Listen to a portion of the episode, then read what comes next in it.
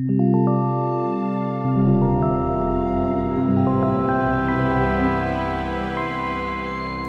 och välkomna till Akademiska smådåd. Det är en podcast för dig som är mer intresserad av pseudovetenskap och vetenskap än vetenskap och pseudovetenskap. Mitt namn är Simon Skau och jag befinner mig i Göteborg. Jag heter Kristoffer Sundberg och sitter i Lödöse. Jag heter William Thomsen och sitter i Göteborg. Och jag heter Pontus Plavén Sigraj. Jag sitter på Rikshospitalet i Köpenhamn. Förlåt. Nej, men det måste artikuleras ändå, tycker jag. När jag, när jag ändå är här så känner jag en viss behov att artikulera ord. Liksom. Och då är ju Rikshospitalet bra istället för att säga ri, som man skulle väl sagt här i Köpenhamn. Du kände inte samma press att artikulera när du satt på Karolinska? Eller jag gjorde inte det Karolinska.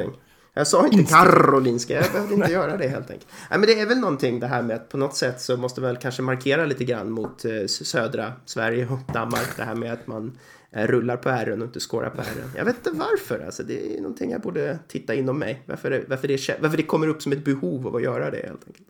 Men gör du i andra sammanhang också i livet eller? Ja, förmodligen. Sen, när du pratar med barn, nu äter du gröt. Eller vad är det? jag sitter med min sambo och min barn så artikulerar jag duktigt ordentligt och rullar på ärren. Jag hade en eh, dansk kollega i Oslo som eh, vars stående skämt var när folk frågade om de föredrog dans, eller norska eller engelska så var hans, han ville alltid föredra klar och distinkt danska. Och skämtet var då att det inte finns någonting som är klar och distinkt danska. Det kan vara lite tufft att hänga med ibland. Det är ju pinsamt att behöva byta till svenska, men det, eller vad säger jag, byta till engelska rättare sagt. För det, men det händer ju titt som tätt med kollegor här på Rikshospitalet. Att man får liksom bara, nej, nej nu tar vi det på engelska. Nej, för det här. Ja, jag var faktiskt på en konferens för eh, en evighet, en, ett livstid sedan, där man skulle prata nordiska. mm. Så det var... Men vad så, betyder det ens? Ja men precis, jag, jag pratar ju svenska, norrmännen pratar norska, finländarna pratar svenska och danskarna pratade danska. Eh, men går, går det? Och, alltså just alltså, det med Finland? Det tog mig, alltså det, det, var fyra dagar och efter tredje dagen då kunde jag, då förstod jag vad danskarna sa. Men det tog ett tag, alltså, och då gick det bra liksom. Men de två första dagarna av presentationen, ingen aning vad de sa. Jag avundas dig. Jag har ju varit här i minst fyra månader nu och jag fattar fortfarande inte riktigt. Nej, nu kör vi igång.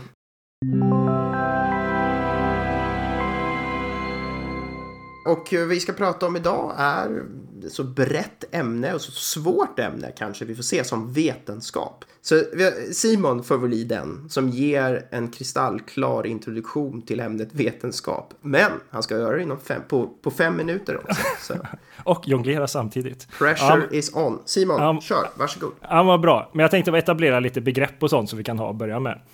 För att, för att börja med, vad är vetenskap? Då måste man ju etymologiskt in, kolla vad betyder vetenskap helt enkelt. Och då kan man ju kolla med vetenskap, ordet veta eller vete, vilket har då med kunskap att göra och skap är något då suffix som handlar om något som en person har, ett område har. Så vetenskap är helt enkelt ett kunskapsområde om någonting. Um, så frågan blir egentligen, vad är vet, hur skiljer sig vetenskap från andra kunskapsområden som inte uppfyller kriterierna för vad vi anser vetenskap? Helt enkelt. Ehm, för det finns ju massa andra kunskapsområden där vi har kunskap. Jag vill också nämna något som jag tycker är viktigt när man pratar om sådana här frågor är att när man försöker hitta en definition av vetenskapen, eller kanske vi pratar om konst någon annan gång liknande, att vi, eh, vi försöker inte prata om vad som är bra eller dålig vetenskap, utan vi försöker prata om vad som klassas som vetenskap och icke-vetenskap helt enkelt.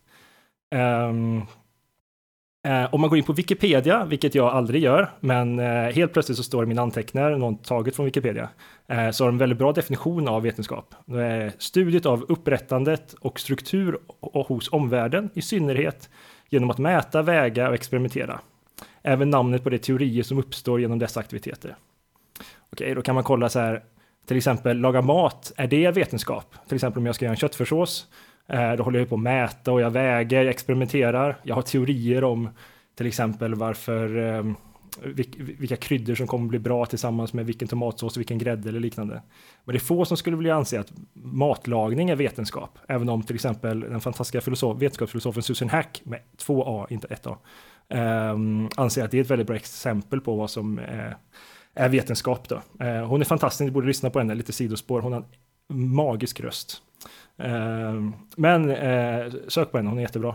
Men okej, okay, om vi tar andra saker, till exempel att göra en klocka är ju då liknande att göra mäta, mäta, väga, experimentera och ha teorier om hur saker fungerar. Det skulle man kanske klassa mer som vetenskap och går inom vad som kallas för ingenjörsvetenskap eller liknande.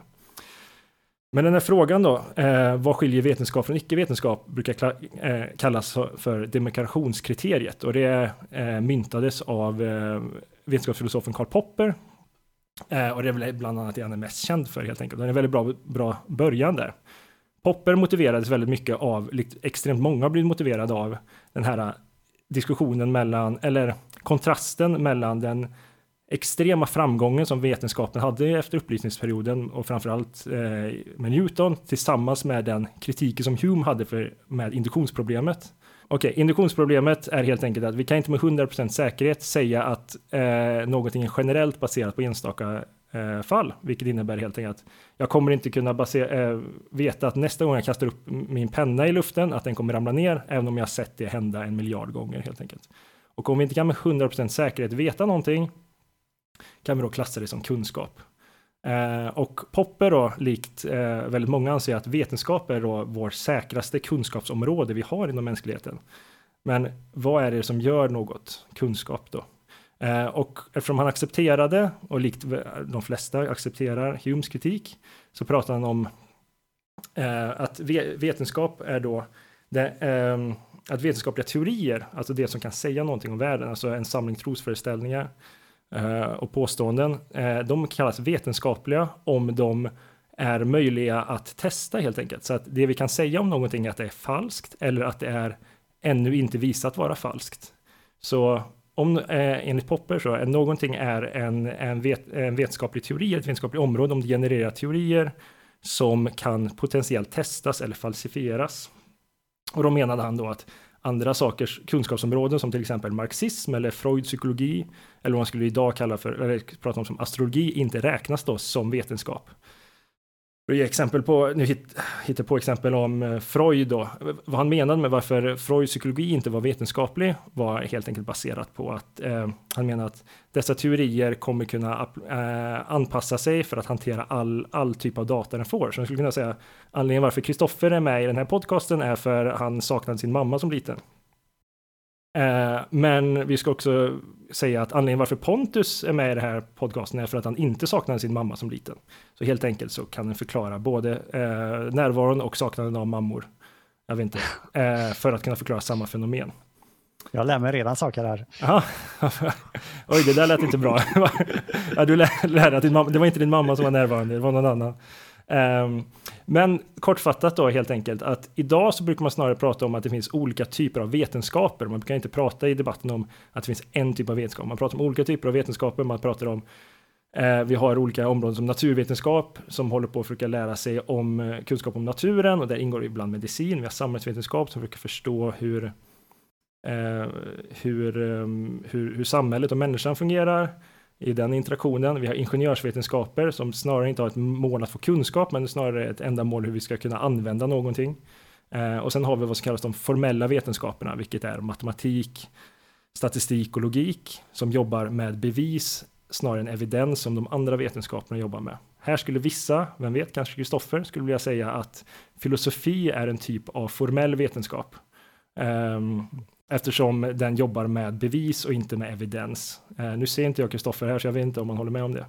Jag hittade också i mina allmänna googlingar, eh, jag har aldrig faktiskt läst Habermas, jag får skäm, skämmas lite, men eh, han hade en, en beskrivning av olika eh, av de olika vetenskaperna som jag tyckte var bra att avsluta det här med. Och han sa att eh, eh, naturkunskapen söker behärska naturen, humaniora och samhällsvetenskap, nej, humaniora söker förståelse om människan, prata om humaniora, vetenskap eller inte, det kommer vi gärna in på tror jag.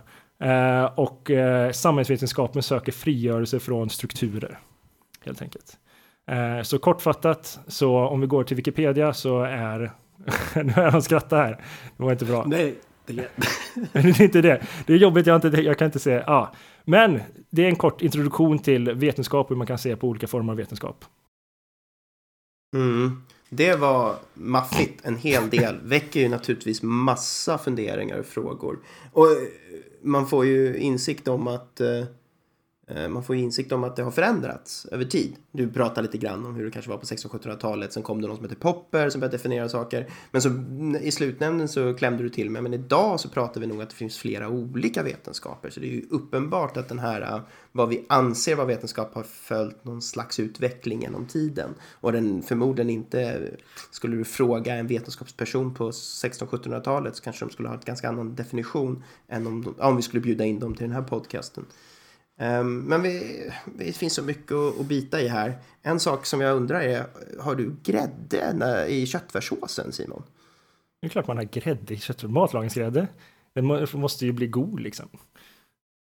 Okej, okay. då har vi lärt oss någonting. Vi har lärt oss någonting om både Kristoffer och om Simon i den här uh, korta, korta introduktionen. Det är för att jag har en teori om vad som gör.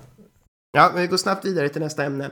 Eh, du har du varit inne på det och, och, och då det första jag tänker så här, det var en bra introduktion av vetenskap är, men ja, jag förstår fortfarande inte vad, vad, vad det här ämnet är liksom. Det är så... jag, har, jag har citerat Wikipedia och jag har pratat om Popper, vad mer behöver du? Ja, och det är ju faktiskt en ganska pinsam sak att säga eftersom jag ändå på något sätt ska utge mig för att vara en vetenskapsperson, en forskare som sitter här på Rikshospitalet och forskar. Men kan vi få ställa en fråga då liksom? Är, är vetenskap en metod? Är det en process? Är det ett filter vi sätter på kunskap? Är det ett filter vi sätter på information? Är det, är det kanske rent av objektiv kunskap? Alltså, är, är det någonting av de här sakerna eller alla sakerna? Vad, eh, finns det någon som vill bita i den? Kanske, vi kanske börjar med om det är metod, process eller är det objektiv kunskap? Ja, jag tycker det är en bra fråga och jag tror... Um, det är... Det är Uh, nu är det Simons tur att skratta åt mig.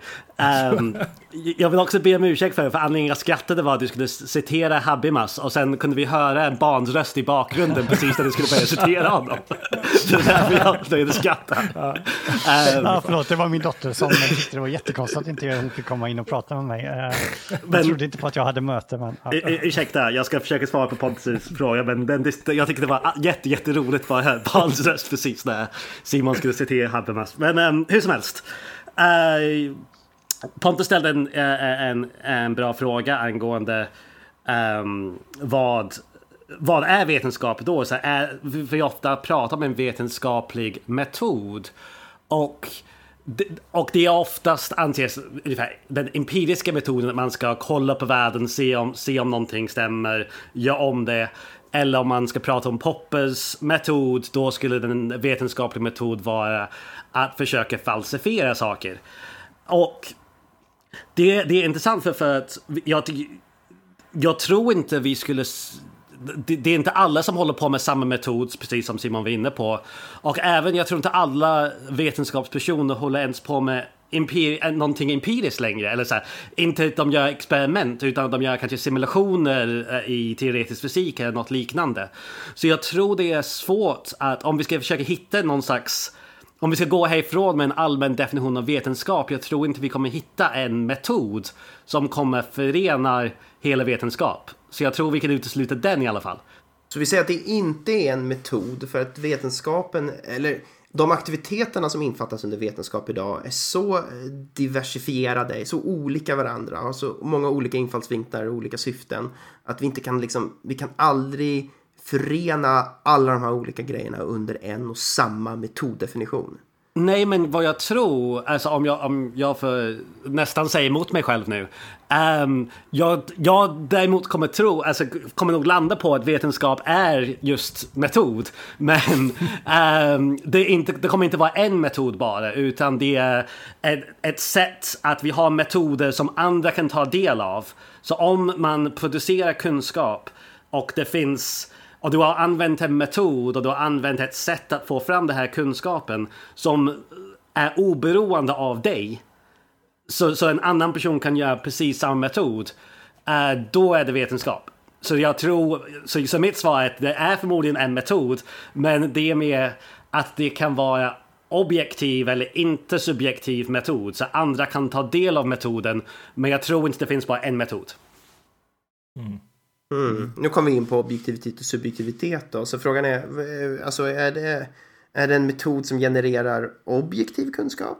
Jag vet inte, du frågade inte specifikt mig, men eh, du sa det förut här objektiv, att är vetenskap objektiv kunskap?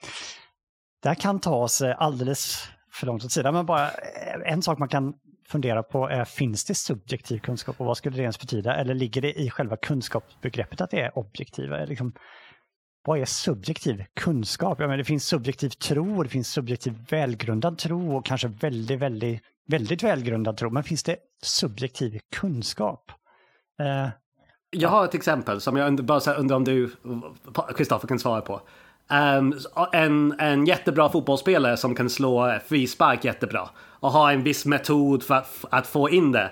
Men har sen mm. jättesvårt att försöka förklara vad de gör. Mm. Skulle det vara någon sorts kunskap som, um, ja. som är subjektivt? Ja, det var, en, det var en bra poäng. Och likaså kanske även det här fenomenella medvetandet, alltså hur det känns att uppleva någonting. Kanske är det på något sätt subjektivt i någon väldigt stark bemärkelse, men ändå väldigt objektiv i... Okej. Okay. Det är i och för sig... Ja, ja, men det kanske finns, det kanske är exempel på subjektiv kunskap då. Um, men skulle det kunna vara vetenskap å andra sidan då? Okej, okay, så då kanske vetenskap, eh, kanske ligger någonting där och objektiv. Eh, en sak jag skulle vända mig emot är en koppling mellan vetenskap eh, och objektiv kunskap. Jag, jag, kan tänka mig väldigt mycket objektiv kunskap som jag kan ha som inte är vetenskap. Till exempel jag har väldigt objektiv kunskap om vad som står framför mig här på bordet eller vad som finns i mitt kylskåp och sådär. Men det tycks inte vara rätt sorts kunskap för att räkna som vetenskap, skulle jag spontant säga. Men, men vad är rätt sorts kunskap då för att du ska, du ska tycka att det ska räknas som vetenskap, Kristoffer? Jag tror verkligen att eh, det är William inne på, att det finns någon sorts metod. Och jag tror att eh, det kan vara naivt att tro att vi väldigt lätt ska kunna säga en kort redogörelse för exakt vad metoden är och vi måste på något sätt ha tillräckligt mycket hur den här metoden appliceras kommer kanske skifta inom olika eh, grenar, men jag är nog så pass optimistisk att jag tror att det tycks finnas någon kärna som är svår att exakt definiera, men någon sorts kärna av strävan efter intersubjektiv testbarhet, efter någon systemat, systematicitet som gör att kunskap går att eh, generera nya eh, förutsägelser för sånt som vi inte observerat. Det tycks vara någonting som är på något sätt väldigt ofta fallet. Och någonting vi skulle kunna beskriva som kritisk tänk tyckande. När detta betyder någon sorts öppenhet och en villighet att ifrågasätta sitt eget och andras resultat. Någonstans där finns det en metod som, som, som jag skulle vilja beskriva som vetenskaplig metod. Okej. Okay. En metod som genererar information. Av den informationen kan vi kanske göra prediktion om framtiden. Och den mm. prediktionen är förhoppningsvis ganska ofta korrekt. Då är vi inne på en metod som kan anses vara vetenskaplig. Men alltså jag tror också om, om man kollar själva fenomenet som man pratar om man till exempel pratar om eh, om Kristoffers kylskåp så är det ju det en en, en, insta, en, en, en singulär instans så att säga. Men om vi har en metod för att kolla på alla kylskåp och vi kan strukturera det på ett speciellt sätt, skulle inte det bli lite mer vetenskapligt då? Jo, eh, men poängen var bara att, eh, att någonting mm. är objektiv mm. i sig inte kanske... Ja, Nej, precis. Kanske är det ett nödvändigt kriterium, men det kan absolut inte vara ett tillräckligt kriterium. Nej, det räcker precis. liksom inte att det är objektivt för att det ska vara vetenskap. Och jag tror inte prediktion är heller tillräckligt, för jag kan... Alltså jag, har in, jag ska inte säga det är vetenskapligt varför jag säger Oh, jag ska försöka tänka någonting. Uh, jag kan bara tänka sig att någon gång kommer jag dö. Det är inte någon slags vetenskaplig fakta. Alltså jag tycker inte jag har baserat det på vetenskaplig fakta utan jag, har, jag bara vet att alla andra människor har dött. Men jag har inte riktigt använt en vetenskaplig metod för att komma fram till det. Um, kanske någonting lite mindre mobil. Solen kommer upp imorgon. Det, jag predicerar det mer ut, utifrån min, mitt subjektiv erfarenhet än det vetenskapliga kunskapen vi har. Men som, som förklarar kommer, varför. Men både att du kommer dö och att solen kommer gå upp kan vi inte säga att de, de två eh, påståendena går visst att förankra. Det finns många vetenskapliga metoder och undersökningar som har kommit fram till att solen kommer förmodligen gå upp imorgon och William kommer förmodligen någon gång förhoppningsvis om många, många, många, många år ja. dö. Men min, min eh, prediktion om det just nu är inte baserad om, om vetenskap. Alltså det, det är väldigt, så, så man, man kan predicera saker som, inte vet, som, som man inte använt en vetenskaplig metod för skulle jag säga. Så det är inte tillräckligt att bara, alltså vetenskap ska ju kunna förutse saker i framtiden. Men jag tror vi kan göra sådana där inferenser som um, kanske inte är så, som jag skulle inte säga vetenskapligt. Det är ovetenskapligt att säga jag kommer dö. Ja, det var väldigt bra eh, som William sa. Nu har vi liksom två kriterier som vi är överens om att var för sig är de inte tillräckliga. Och inte tillsammans är de inte tillräckliga för det här om att solen går upp. Eh, går att eh, vara både objektiv och inte Ja, och, och eh, eh både objektiv och preduktiv. Eh, men jag bara tänkte på, eh, på ett sätt genom att ha de här, om vi skulle säga att de är nödvändiga kriterier, så kanske vi snävar av vetenskap mer än vad vi vill. Kanske är detta bra eller så vill vi inte. Jag tänker på ett ämne som historia till exempel. Eh, är det uppenbart att historia för att räknas, om det, vi vill räkna historia som vetenskap, är det uppenbart att det alltid håller på med att förutsäga saker? Eh, om man vill bara förstå ett historiskt skeende. Alltså, eh, eh, vi går redan in på små detaljer. Kanske vill man för att man skulle kunna ha en syn på historia att för att förstå till exempel revolutioner, franska revolutionen, så ska man förstå på ett sådant sätt att man skulle kunna förutspå att ett samhälle i en sån och sån situation skulle, då skulle det ske en revolution. Men det är inte alls uppenbart att man vill lägga in så starka krav. Man kanske bara kan mena att någon har gjort ett enormt vetenskapligt framsteg genom att knäcka en nöt och helt plötsligt få en ny insikt om vad som låg bakom franska revolutionen. Så man får, får fråga, man skulle kunna tänka sig en journalist som eh, gräver i den franska revolutionen för att predicera någonting om eh, vårt nästkommande val, helt enkelt, och skriver en kolumn om det här. Eh, och är rätt öppen med hur hen gick, gick, gick tillväga. Liksom. Eh, skulle det vara vetenskap då? Eller skulle det bara vara god journalistik? Ja, här är en fråga. Menar, en, en möjlighet är ju att vi inte ens går med på att historia är vetenskap. Mm. Um, jag, tycker att, jag tror att vi alla är överens om att ja, fysik, det är, liksom, där är vetenskap. Och, och spå i teblad, det är inte vetenskap. Okay. Men uh, så har vi alla dessa fall som ekonomi, samhällsvetenskap. Det innehåller ordet vetenskap, så det borde ju vara vetenskap då. ja, men det, det, återigen, eh, hur hanterar vi den här frågan överhuvudtaget? Ska vi göra som vi började nu och hitta tillräckliga och nödvändiga villkor? Eller är det så att vi först tittar på liksom datan, vi har fysik, vi har ekonomi och så har vi liksom redan en intuition om att ja, men ekonomi är vetenskap och psykologi är vetenskap men eh, religion är inte vetenskap. Och så försöker vi sen generera, baserat på dessa data, någon sorts kriterier som sorterar de här rätt? Eller är det snarare så att vi sätter oss ner och bara tänker på kriterier och så upptäcker vi om historia är vetenskap eller inte baserat på om det uppfyller de här kriterierna eller inte. Jag är osäker. Och det här är någonting jätteintressant om jag, om jag får hoppa in snabbt. För, för eh, Pontus nämnde förut om eh, ett filter och det kanske är mitt fel han använder just det ordet. Men det, det, finns en väldigt viktig distinktion vi måste göra här som i Simons institution så berättar de om Popper och det är en idé om hur vetenskap bör vara. Och det finns kanske beskrivning om hur vetenskap är. Och det kanske är så att vi Um, alltså hur, hur den befinner sig eller hur vi bedriver det eller hur vi som samhället har bestämt vetenskap ska se ut. Och som Kristoffer säger nu, det kanske är bara vi bestämmer oss att vissa saker är vetenskap och andra saker är inte vetenskap.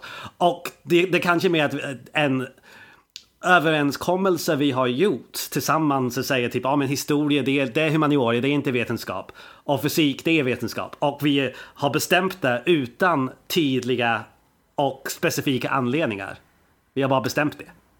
Men det, skulle, det ligger väldigt mycket i det. Men ska man tänka sig att från våra stipulationer vad som är vetenskap och icke-vetenskap så följer någon slags eh, inbordes inbördes logik från dessa stipulationer till vissa typer av kriterier skulle man kunna tänka sig. Även om de kommer vara lite vaga i vissa fall. Men kan man tänka sig att om vi börjar med kriterier, om vi, vi går tillbaka till det Kristoffer sa, så här, men vi börjar med att försöka definiera nödvändiga och tillräckliga kriterier för vad som är vetenskap. Kommer vi inte ganska snabbt landa då i en beskrivning av vad vetenskap bör vara? Men om vi snarare börjar i andra änden, vi tar, vi kastar upp alla fält som man läser på universitetet så försöker vi liksom från det extrahera olika typer av eh, ja, kategorier och olika etiketter. Då blir det ju liksom en datadriven approach som man vill kalla det för. Då får vi ganska tydligt en snabb bild av vad vetenskap är i verkligheten. Eller åtminstone vad liksom folk som påstår sig bedriva vetenskap gör i verkligheten. Tänk att det är två olika situationer. Den, är, det, är det en beskrivning av verkligheten eller är det ett ideal av vad det bör vara? Vad är det vi diskuterar här egentligen? Jag skulle gärna vilja gå emot eh, även alltså, den normativa beskrivningen av till exempel, i och för sig Popper som eh, William hade, han, han var normativ, han sa att så här bör det vara, men det är även också en deskription där man kan säga, han lägger fram kriterier för vad som är vetenskap och så får saker och ting falla innanför det eller utanför det. Eh, sen kan jag använda den för att pusha folk att bete sig på det här viset.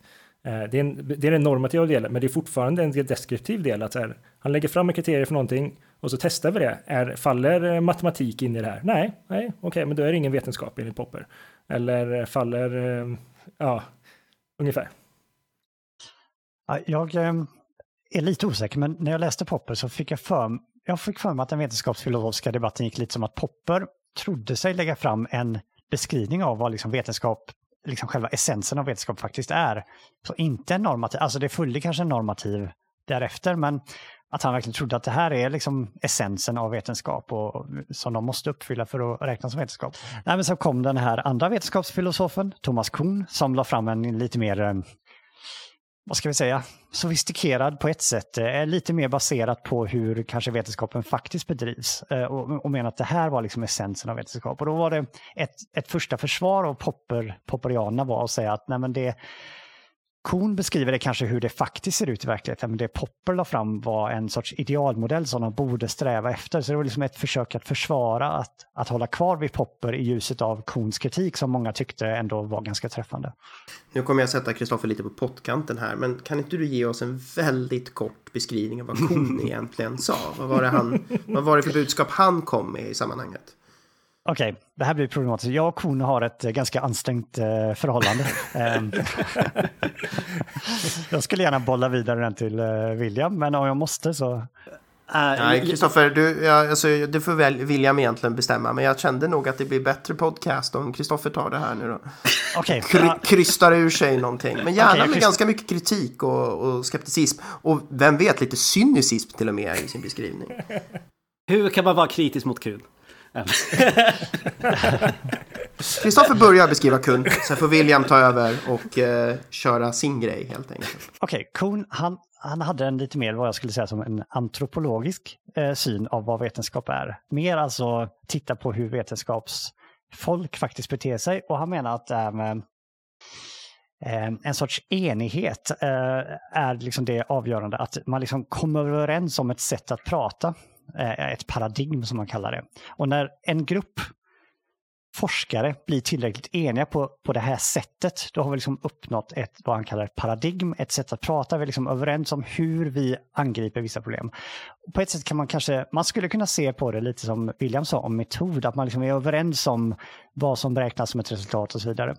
Och att den här sortens enighet som är ganska svår att uppnå. När den har uppträtt då har man liksom vetenskap. Och sen så tänker han sig att här finns en sorts utveckling. Popper pratar väldigt mycket om utveckling, men det är liksom snarare som att det finns en stor vetenskap som bara växer och blir bättre och bättre och bättre.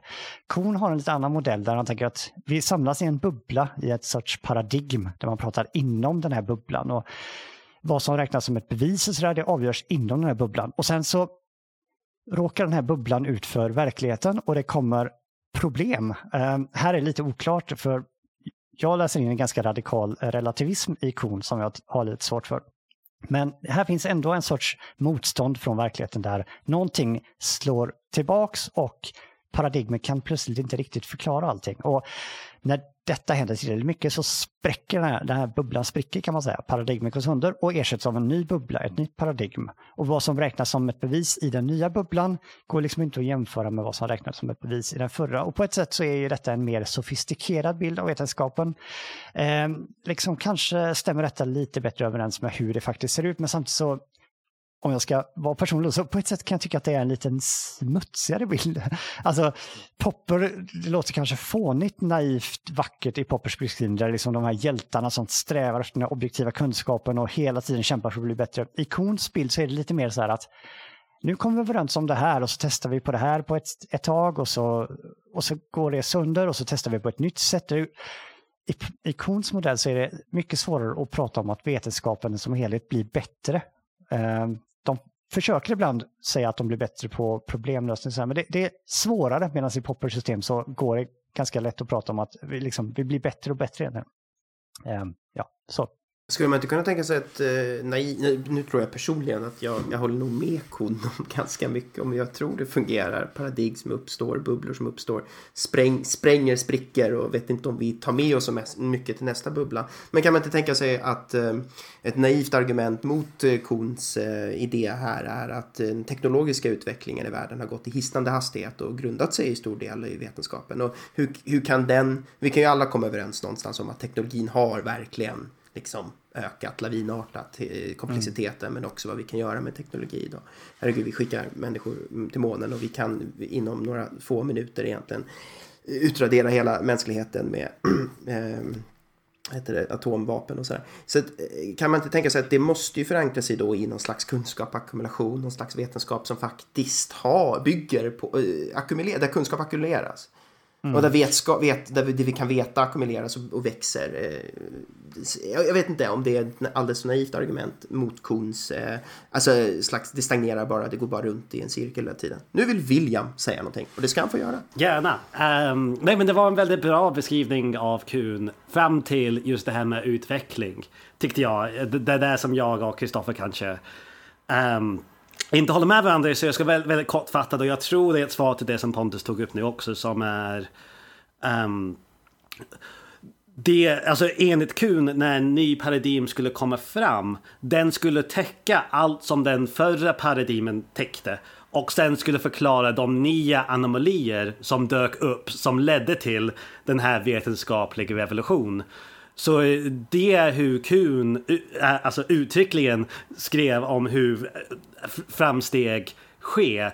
Och det som jag tycker är intressant eh, för, att spola tillbaka på det här med Popper vs Kuhn, det som skiljer sig och vad Kristoffer säger om det här med det vackra och det rena Popper-teori och den smutsiga Kuhn-teori. Skillnaden är att ehm, um, Kuhn tittade mer på, hur, mer på historia och uh, vetenskapens historia och hittade exempel, till exempel när Einsteins fysik kom fram, relativitetsteori, hur det ersatt Newton. Och så, så, så, här har vi typ två eh, primärexempel på det ena som säger så här, nej men vetenskap, för att det ska vara vetenskap, eh, det måste följa de här reglerna. Och en annan som säger Um, vetenskap enligt historien har fungerat på det här sättet. Och jag tror, jag kan förstå att man vill så gärna att vetenskap ska vara det här vackra. Men problemet är när man ska tillämpa Poppers teori, det är väldigt få saker som är faktiskt vetenskap. Där finns möjligtvis den sista kritiken kan man kanske göra mot även baserat på kon. För jag vet att väldigt många inom humaniora och sådär tycks verkligen gilla kon för att på något sätt eh, de kanske har haft en lite mer relativistisk eh, tendens och de kanske ser en kompis då i kon. Men en sak som jag tycker ibland kanske inte uppmärksammas tillräckligt är att Kuhns kriterier, om man verkligen följer det här med vad som räknas som paradigm, är faktiskt väldigt restriktiv. Så fysik skulle liksom räknas som vetenskap, men väldigt Alltså jag tror inte psykologi skulle räknas som vetenskap, inte historia, inte pedagogik. Alltså en hel del av de här som lyfter fram Kuhn som en hjälte jag funderar på om de inser att det de själva jobbar med inte skulle räknas som vetenskap. Och jag tycker åtminstone inom bland pedagogik till exempel att en del av dem roffar åt sig begreppet paradigm från Kuhn och liksom använder det som om det är tillämpbart på deras egen forskning. Vilket jag inte tror att det är om man faktiskt följer kon.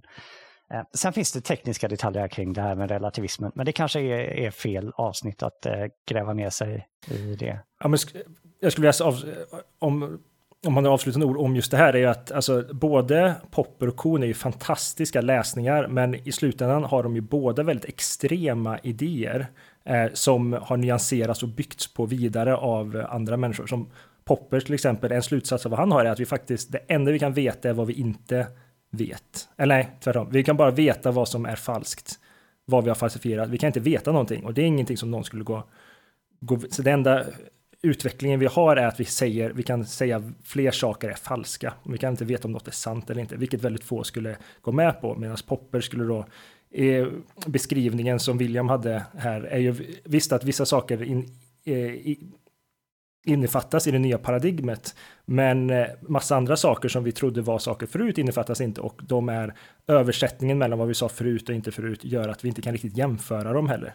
Eh, vilket är många skulle säga är väldigt extremt idag. Däremot så har ju båda väldigt, väldigt starka, poäng, eh, intressanta poänger, men båda eh, jag tänker som lyssnare att veta att det här är ändå en, en, en 50-årig debatt som grunden brukar vara i de här personerna, men den är mycket mer nyanserad idag sen. Nej, är den inte längre, är inte äldre än 50 år, tänker jag säga. Inte, är vi inte uppe i 100 år snart debatt av det här? Jo, jag skulle nog säga det. Om vi räknar med de här logiska empiristerna. Och... Ja, det är klart. Jo, men Poppers... Eh, jo. Det finns ju, ja, jag tänkte bara säga också, det finns ju försök att förena Kun och eh, Popper. Vi, kan väl, vi har ju ändå namedroppat eh, ganska många eh, gamla gubbar här, så vi kan ju ta en till. Lakatos till exempel, som gör någon slags, eh, slags försöker få ett helhetssyn. Och, och jag tycker personligen att den här Lakatos gör ett väldigt bra jobb att ta Popper, ta Kun och så liksom destillera ut någonting någonting som både blir lite deskriptivt men också, tycker jag, ganska intressant att försöka applicera och bedriva vetenskap på det viset. Sen kan, man ju, kan vi diskutera här också in absurdum om, om vi i vår vardag och det vi ser när vi vetenskapar, om, det, om vi ens är i närheten av det som vi liksom, som de här gubbarna satt och pratade och diskuterade om. Jag ställer mig skeptisk till att det är på det viset, men uh, I don't know. Simon, vad har du att säga? jag får det? bara säga en, en sak som är intressant med just de här som man tog upp, alltså skillnad mellan Popper och Eh, och kon här att presentationen som som Kristoffer sa att eh, många, alltså han, han presenteras ofta som en, eh, in, inom medicin är, har, har jag hört väldigt många presentera Popper som att om du ska läsa någon är det bara Popper. Han, han, han får ju fram vetenskapsmannen som en väldigt typ av hjälte och den här typ som ska beskriva verkligheten och falsifiera och vara rak och tydlig. Medan eh, Andra ser ju kon som den här, vi ska problematisera, vi ska kritisera, vi ska inse att saker inte är så svart och vitt. Eh, får paradigmpratet mer som en hjälte och, och båda skapar, har ju skapat eh, vad ska man säga, väldigt starka anhängare och det är väldigt lätt att om man har en tendens till att försöka vara mer svartvit, vi kan få ett ja och nej-svar, då blir man väldigt lätt popriansk. Eh, eller man dras till dem innan man kanske problematiserar mer. Och om man vill vara mer Alltså, eh, om man är mer relativistiskt lagd, utan att relativist för den delen, eller pluralistisk, så eh, nu grinar William en del här, eh, mm. så, så lockas Kuhns eh, tankar väldigt mycket. Eh, och framförallt inom humaniora då, så man kan, ja, fan, det blev inte så bra som det var i huvudet innan jag började prata. Men um, jag, jag, tycker du ställer en, en, en, intressant, eller jag har en fråga som jag vill ställa till er. Alltså, först vill jag också klargöra, jag tycker inte Kuhn har rätt, men jag tycker hans approach är bättre att man ska gå det här beskrivning, beskrivande sättet. Om vi ska, frågan för idag är så här, vad är vetenskap egentligen? Och jag tycker så här, om man ska försöka svara på det, det bästa sättet man kan göra är att gå det här kolla vad vi kallar för vetenskap istället för vad vi tycker vetenskap bör vara. Men um, en intressant sak då, så här, som Simon och både Pontus har tagit upp nu, är forskare som tror olika saker om vetenskap. Deras vetenskapsteori de får lära sig. Um, Behöver forskare, behöver empirist, empirister, eh, behöver de ha en sann eller korrekt definition om vetenskap för att kunna bedriva vetenskap? Alltså spontant vill jag bara säga nej, det behöver de inte. De behöver en metod som fungerar inom sitt paradigm, kanske man kan säga. Och kan de applicera den metoden och göra det bra och, och, och kanske lite det Kristoffer var inne på, tänka kritiskt. Alltså jag tror att vi kanske ska komma tillbaka till det någonstans också. Men kan de göra det och tänka kritiskt, då, då tror jag, jag hoppas att sådana personer kan eh, producera bra vetenskap. Därför att jag hoppas att jag, jag vet att jag är en av de personerna. Jag har inte så bra koll, men, men jag, jag tror jag kan min metod i, i mitt fält ganska bra. I alla fall bra, bättre än, än många andra. Och ja, om jag kör på den liksom, så, så, så borde jag ju kunna producera, inte fakta, så information som är intressant. Men blir då um, Pontus, förlåt nu ställer jag frågor till dig för jag, jag blev... Um, det känns som att du beskriver en väldigt verklig, alltså hur det ser ut i, i vetenskap idag. Men blir det inte lite problematiskt, det här vacker kunskap som Kristoffer vill ha? Egentligen nu, vi säger det är bara några människor som är jätteduktiga på metod som kan bete sig som gatekeepers till vad vi anser som är vetenskapligt eller inte. Är inte det lite problematiskt? Så när vi säger gatekeeper så menar du en slags portvakt, alltså vi ska direkt översätta det, någon som sitter ja, och bestämmer. Vi, vi kan kalla dem metavetenskapare, liksom för att ta ett ord på det. Förlåt Simon? Vi kan kalla dem metavetenskapare för att ta ett ord. Ja, no, Nej, någon som Nej, sitter och bestämmer. Nej, jag skojar. inte det. Det är, mer, det är mer andra forskare som bestämmer Um, till, exempel um, publikationsprocessen, det kanske inte alla som, är, som lyssnar som vet hur publikationsprocessen ser ut för att få en, uh, en vetenskaplig artikel publicerad. Så man skickar det till en tidskrift och det är två eller tre eller ibland fyra andra forskare som granskar det. Ger kommentarer och feedback och till slut så säger de ja eller nej. Och det här har funnits i flera hundra år och det finns jättemånga problem med den här processen men det kan vi prata om en annan gång. Men i det här fallet så är det då det här, för att, för att någonting ska anses att vara eller blev döpt till vetenskap. Allt vi behöver är ett par duktiga män, andra människor som säger ja eller nej. Och det låter som det är det som, eh, alltså som Pontus säger, förhoppningsvis då är det väldigt duktiga metodmänniskor som granskar det här, men det är inte alltid duktiga människor som kommer granska. Men det kommer ändå klassifieras som vetenskap. Så när vi... Ja, eh, jag, jag vet inte om jag har någon fråga här, men jag, jag vill ställa en fråga. men jag skulle vilja säga vi, man skulle kunna tänka sig att jag skickar in mitt köttfärssåsrecept till eh, Skön Mat-tidningen och jag får lite kommentarer av eh, några som jobbar där och sen fixar det här, ändrar det här lite och sen så fixar så publiceras den i, i Skön Mat. Um, skön mat? jag vet det. Jag tänkte att... Det ja. finns, inte för att vi är SVT, det finns också många andra tidskrifter som publicerar recept. Ja, ja, Välkommen till men, matlagning smådåd. Ja, precis. Ja, men skulle det, bra, liksom, skulle det uppfylla kriterierna för att vara, eh, för att vara vetenskap då helt enkelt?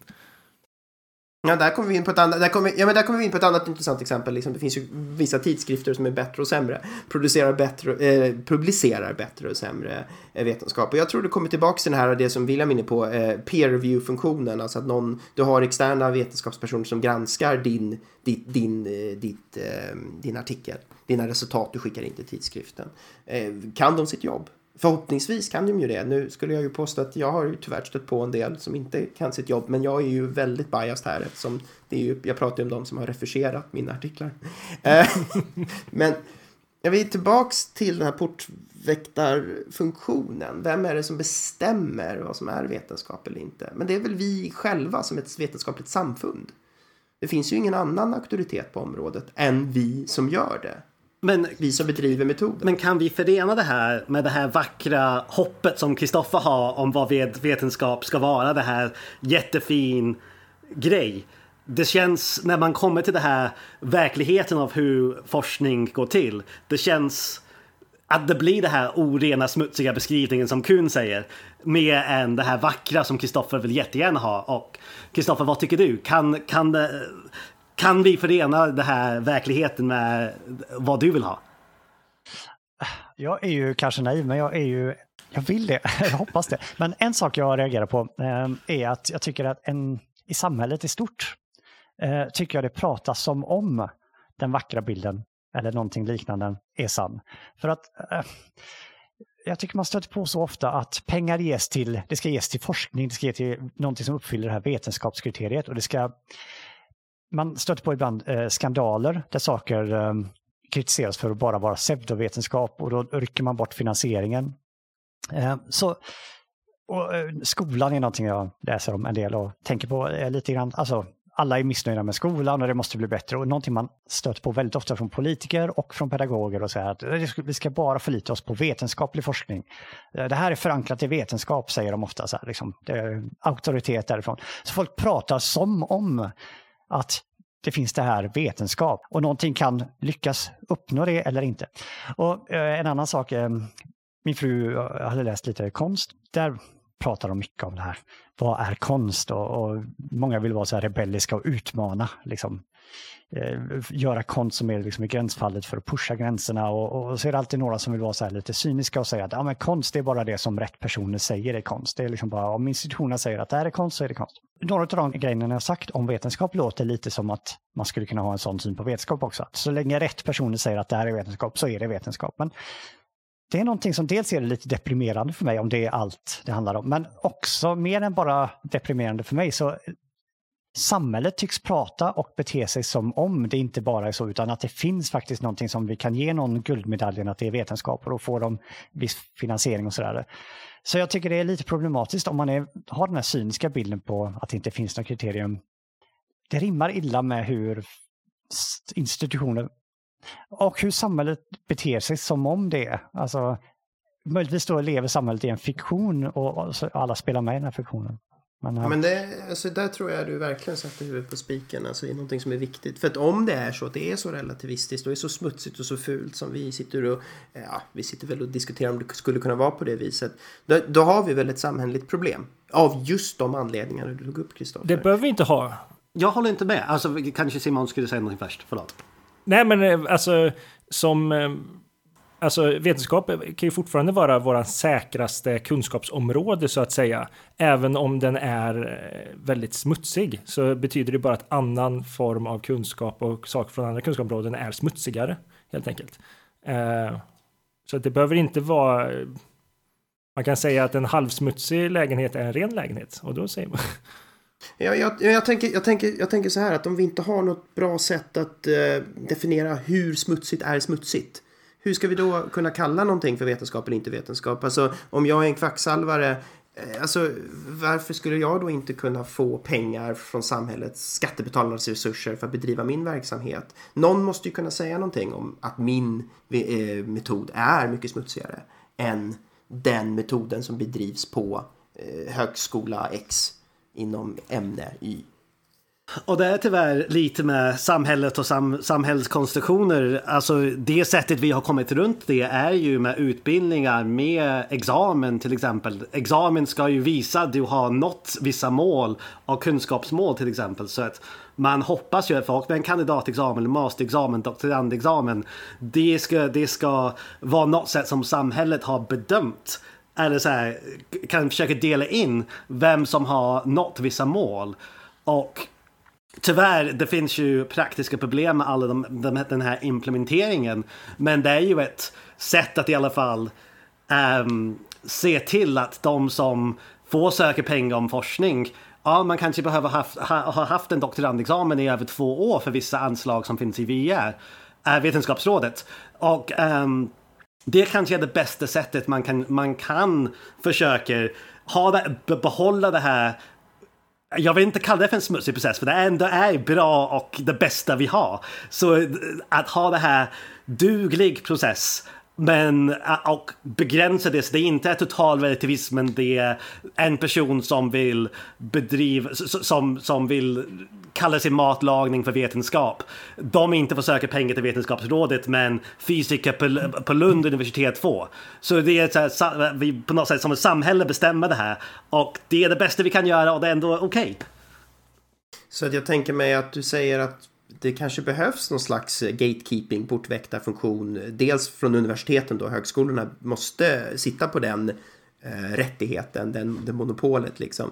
Men också att de här examen som produceras på de här högskolorna och eh, universiteten då blir någon slags eh, stämpel, kvalitetsstämpel på att ja, vi, vi tror att, att din metod är mindre smutsig eller, vi fick, eller, liksom, eller duglig nog för att vi ska kunna särskilja dig då från en, från en kvacksalvare. Och då blir det väl jätteproblematiskt om vi börjar utvatt, urvattna utbildningarna. Om kvaliteten sjunker på vissa högskolor och universitet. För det är ju, då är det det vi, vi måste, det är ju där kriterier, gränsen dras. Jag, jag tror Kristoffer har en invändning men jag vill jättegärna bara svara på det du sa. Um, som är... Um, jag, jag, tror inte det är enda sätt man kan strukturera upp det men det är ett sätt att ha det här så kallad smutsig process som inte är en smutsig process. Men att på något sätt att ha den mer funktionell än att bara vi gör slumpmässiga, slumpmässig forskning, att vi kan ändå ha lite kvalitetskontroll. Jag skulle inte säga den är den bästa kvalitetskontroll och vi, vi, vi kommer prata väldigt mycket om metavetenskap i den här podcasten och det är ju ett sätt vi försöker förbättra vetenskap. Så okej, okay. Kristoffer, din invändning. Nej, det var inte så mycket en invändning. Jag vill bara förtydliga en sak som kanske redan är uppenbart, men som jag tänkte skulle kunna leda till lite missförstånd. Det är att vi kanske använder ordet vetenskap här nu i två bemärkelser, en bredare och en smalare. För på ett sätt så vill vi ha gatekeepers och vi kvalitetssäkring och vi vill ha ett forskningsråd som bara ger pengar till vissa projekt inom all akademisk verksamhet. Så religionsvetenskap, genusvetenskap, pedagogik, psykologi, allting. Eh, och vi har liksom kriterier inom dessa för att försäkra oss om att studenten uppfyller vissa krav. Det var någonting som ni var inne på nu och det låter rimligt liksom att någon ska vara, för att vara bra eller dålig genusvetare ska uppfylla vissa kriterier och vi har en examen och sådär. Men sen tror jag också att vi pratar om ett smalare vetenskapsbegrepp där vi pratar mer om ett fält, huruvida detta fält uppfyller vissa kriterier om man nu har den synen att det är det som räknas. Så när folk till exempel frågar om, jag tror att det var länge väldigt tveksam till om eh, psykologi var en vetenskap. Många var benägna att säga att det inte var en vetenskap. Eh, eh, jag tror att det har skiftat så att folk är mer benägna att prata om psykologi som vetenskap nu, men då, alltså den sortens fråga är inte det här att ska de få någon som helst finansiering, ska de få finnas på universitetet, utan de är såklart vetenskap i den här bredare bemärkelsen att det är en akademisk studie som uppfyller ganska hårda krav och sådär. Men så bara så att förtydliga det att det, det kanske är två vetenskapsbegrepp och det är kanske, jag trodde att vi pratade mest om det här smalare. Där vi frågar till exempel, är psykologi vetenskap? Inte i betydelsen ska det få lov att bedriva universitetsstudier utan liksom är, uppfyller det någon sorts Ja, men om vi bara tar Popper eller Kuhn för den delen. Eh, här har vi två liksom förslag på vad som utgör den här mindre cirkeln. Och då kan vi fråga, ja, men uppfyller psykologerna detta? Ehm, och jag tyckte nu att det, det ni pratar om nu, att den linjen mellan dessa, den här distinktionen försvann lite för mig i alla fall. Jag, jag förstår, men alltså, jag, jag tror, va, va, så du har helt rätt, um, att det kanske var lite bredare. Um, men anledningen jag tog upp det, det där var för att jag tänkte om man har det här filtret på människor som kommer in till för att kunna bedriva det här lite snäva definitionen. Då blir den här smutsiga processen inte lika smutsig helt plötsligt. Man har ändå lagt någon sorts filter på kvalitetskontroll innan. Faktiskt är jag uppriktigt eh, undrar vilka som tar de här besluten. Till exempel. Just, vi förstår ju, vi vet ju hur eh, peer review-processen och så där går till. Men just när det gäller politiska projekt, när det när det gäller vetenskapsrådet så här, då är det ju vetenskapsmän som sitter och tar beslut. Så. Men jag tänker på de här politiska finansieringar av öppningar av nya center och sådär. jag, jag, minns, jag kan inte detaljerna så jag borde inte ta upp detta, men det var ju väldigt mycket skriverier ett tag om det här kamelcentret i Angered. Eh, de skulle öppna ett center för kameler där och det skulle vara ett jättebra projekt att sätta folk i arbete, tyckte några. Och då, så framkom mer och mer skandaler kring detta där de tydligen gjorde reklam för att de skulle sälja kamelmjölk som skulle kunna bota massa sjukdomar och så här. Och då blev det stort ramaskri för att detta var totalt pseudovetenskap och kvacksalveri och så här. Spontant tycker jag att det låter väldigt rimligt att säga att det där inte var vetenskap. Men eh, här var ju liksom en diskussion då där politiker liksom eh, attackerar och allmänhet attackerar det här kamelcentret då och använder ordet icke-vetenskap liksom, som att vi vet vad det betyder. Och på något sätt intuitivt så känns det som att ja, det låter rimligt, men jag bara, det finns en spänning här mellan hur fo folk verkar ha en intuitiv idé om att man vet vad vetenskap är och man kan se när någonting uppenbart inte är det. Men jag tänker på att fält... Ja. Det är faktiskt en William James-citat som är alla vet vad uppmärksamhet är, men det är jättesvårt att sen börja definiera det. Något sånt. Alltså nu har jag ja. dödat citatet. Jag tänker på Augustinus där. Ja, Augustinus och tider. Augustinus på 400-talet som säger att jag vet precis vad tid är så länge ingen frågar mig. Då, för då vet jag inte, då kan jag inte svara. Så det här kanske inte är ett unikt problem för just vetenskap utan det är många begrepp som lider av samma problem. Ja. Ska vi gå in på, alltså, för vi var ju inne på det här när vi precis det Kristoffer sa. Jag skulle nog också intuitivt utan att veta någonting om det här kamelcentret också bara som magkänsla tänka att nej det där kändes inte så vetenskapligt. Men kan det finnas, om vi, om vi bortgår från kamelcentret och höjer oss några, några snäpp då. Kan det finnas dålig vetenskap eller är det de facto då per definition ovetenskapligt? Jag tyckte att eh, det stipulerade att det inte kan vara så. Eller att det kan vara så i början. Alltså det kan finnas dålig vetenskap så, som vi, får kall, vi måste kalla det, eller vi bör kalla det för vetenskap. Ja, men som till exempel, per definition man, jag skulle ju säga till exempel att så här, fältet jag jobbar inom, eh, neurovetenskap, är ett vetenskapligt fält medan jag gör dålig vetenskap i det. Eh, och andra gör bättre vetenskap. Alltså medans jag skulle inte säga att bara för att det är dåligt jag gör så är det icke-vetenskapligt. Varför är det dåligt? Alltså det kanske inte vill säga, men alltså vad är... Vad är... jo, jo Simon. Nej du William, jag har ingen pardon nu. Simon, varför är det dåligt? Nej men varför, vad är kriterien för att det ska bli dåligt? Varför inte just din grej är dåligt? Det är det jag menar. Nej men varför... Um, där, där är det vad som är bra och dålig vetenskap går väl igen på det här William James Augustinus-känslan. Att man kan se, de, vissa saker kan uppfylla mer kriterier, till exempel man har eh, hur, hur studien är designade, hur... Um, vilken information man har. Så jag, jag, jag, kan, jag kan jämföra två studier och säga att den ena studien är bättre än den andra. Och om någon är bättre så måste den andra då per definition vara sämre. Eh, och då kan vi ju liksom rangordna studier och få en skala på vad som är bra och vad som är dålig vetenskap. Eh, för all vetenskap kan inte räknas som samma eller innehåll av, vi kan göra, men jag, jag, tror, jag anser inte att, vi, att alla studier har samma kvalitet. Men de kan fortfarande ingå inom ramen för vad som är vetenskap, skulle jag nog säga. Men finns det någon gräns då? När studier blir så pass dåliga eller liksom ett sätt av studier blir så pass dåliga. Du har en kollega som gör så pass dåliga studier. Det är så fel, så mycket fel slutsatser. Pass kan det, eh, det är fortfarande samma metod, det är bara så uruselt utfört.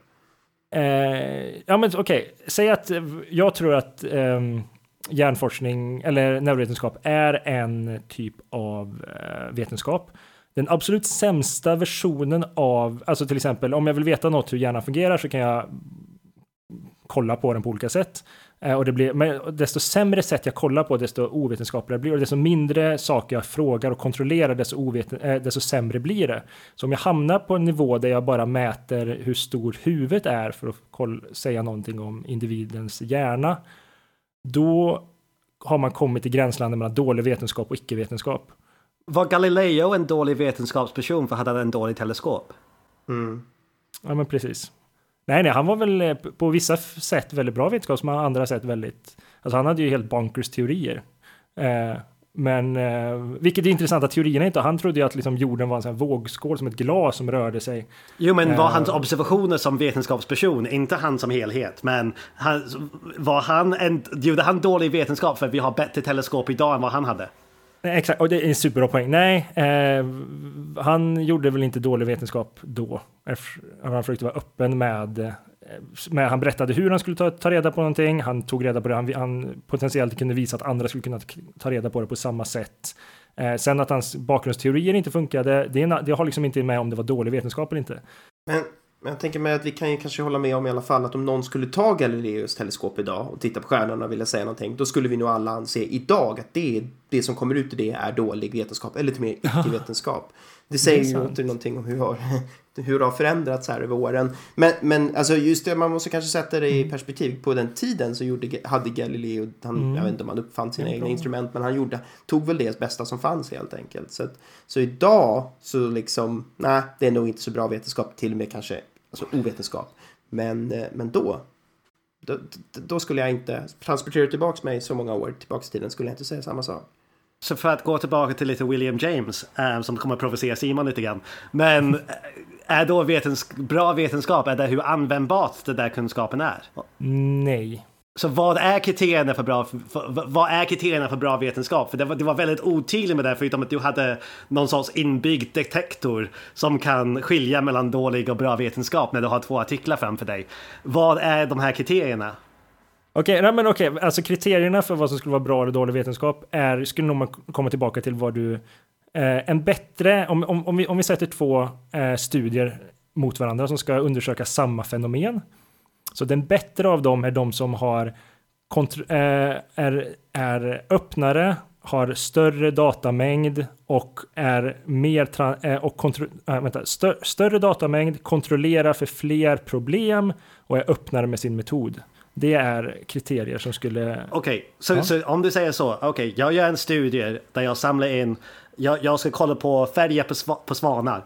Och jag mm. gör en jättestor studie runt hela Europa, samlar in en miljon och alla är vita. Mm. Sen mm. en person gör en studie på en, där det finns en svart svan i Australien. Mm. Du säger den är en sämre studie. Ja, den är... Eh, Fast har det inte med hur intressant fråga man ställer är också? Alltså hur, hur... Ja, nej, nej, nej, det skulle, nej, det tycker jag inte. Det får det inte vara det. Det är samma fråga de utforskar, vilken ja. färg har svanar? Ja, men precis. Alltså, men, men du, du har en väldigt viktig poäng där, William, faktiskt. Att eh, alltså hur bra en studie är och vad de sen kan, eh, vilken slutsats de kan göra behöver inte vara, utan metoden och vad man kan säga av metoden måste inte hänga ihop med varandra. Eh, alltså i det här fallet så att du har en jättebra studie och baserat på den studien så kan du dra slutsatser. De slutsatserna kan vara fel. Och du kan med en dåligare studie dra andra slutsatser som kan vara mer sanningsenliga. Eh, men, men det är ju bara baserat på datan eller av slump eller av teorin du använder för att härleda slutsatserna mm. sen. Ja. Men det låter som du, om, om du om, om någon så hade pistol mot huvudet att du skulle säga så här, men vilken av de här två studier ska vi tro på? De här en miljon vita svanar och dra slutsatsen det finns uh, bara vita svanar och en annan som, säger, som har kollat på två, det finns en vit och en svart. Du tycker vi ska välja, om de säger vilken är den, bättre, vilken är den kunskapen vi ska tro på här? Du skulle säga vi ska ta den med en miljon som drar slutsatsen att alla är vita. Ja men du, alltså, gud vilket bra exempel är det, för att jag, jag kan inte sätta finger på, men eh, vi ska lita, alltså så här... Alltså jag vet din poäng och jag vet jag är jättejobbig mot dig. Nej, men det, den är superbra för att, för att det, det du gör med att, med att pressa den här är att Vänta, vart är du? För det, det är ett fenomen som, Kristoffer, du, du måste ha svaret på det här. Vart, vart är det liksom man, man förväxlas i det här? Alltså så här, det handlar ju inte, alltså så här, eh, jo, det är ju det är snarare om du kan visa upp om vi alla har tillgång till de här svanarna, om vi har samlat dem i burar och kan kolla på dem, eh, så just, alltså själva slutsatsen är ju lika, konklusionen är ju tydligare då i, ja, det, de, de, de är inte lika tydliga, fan. Um, ja, nej, ja, jag skulle nog säga att i det här fallet så, nej, fan heller. Eh, nej.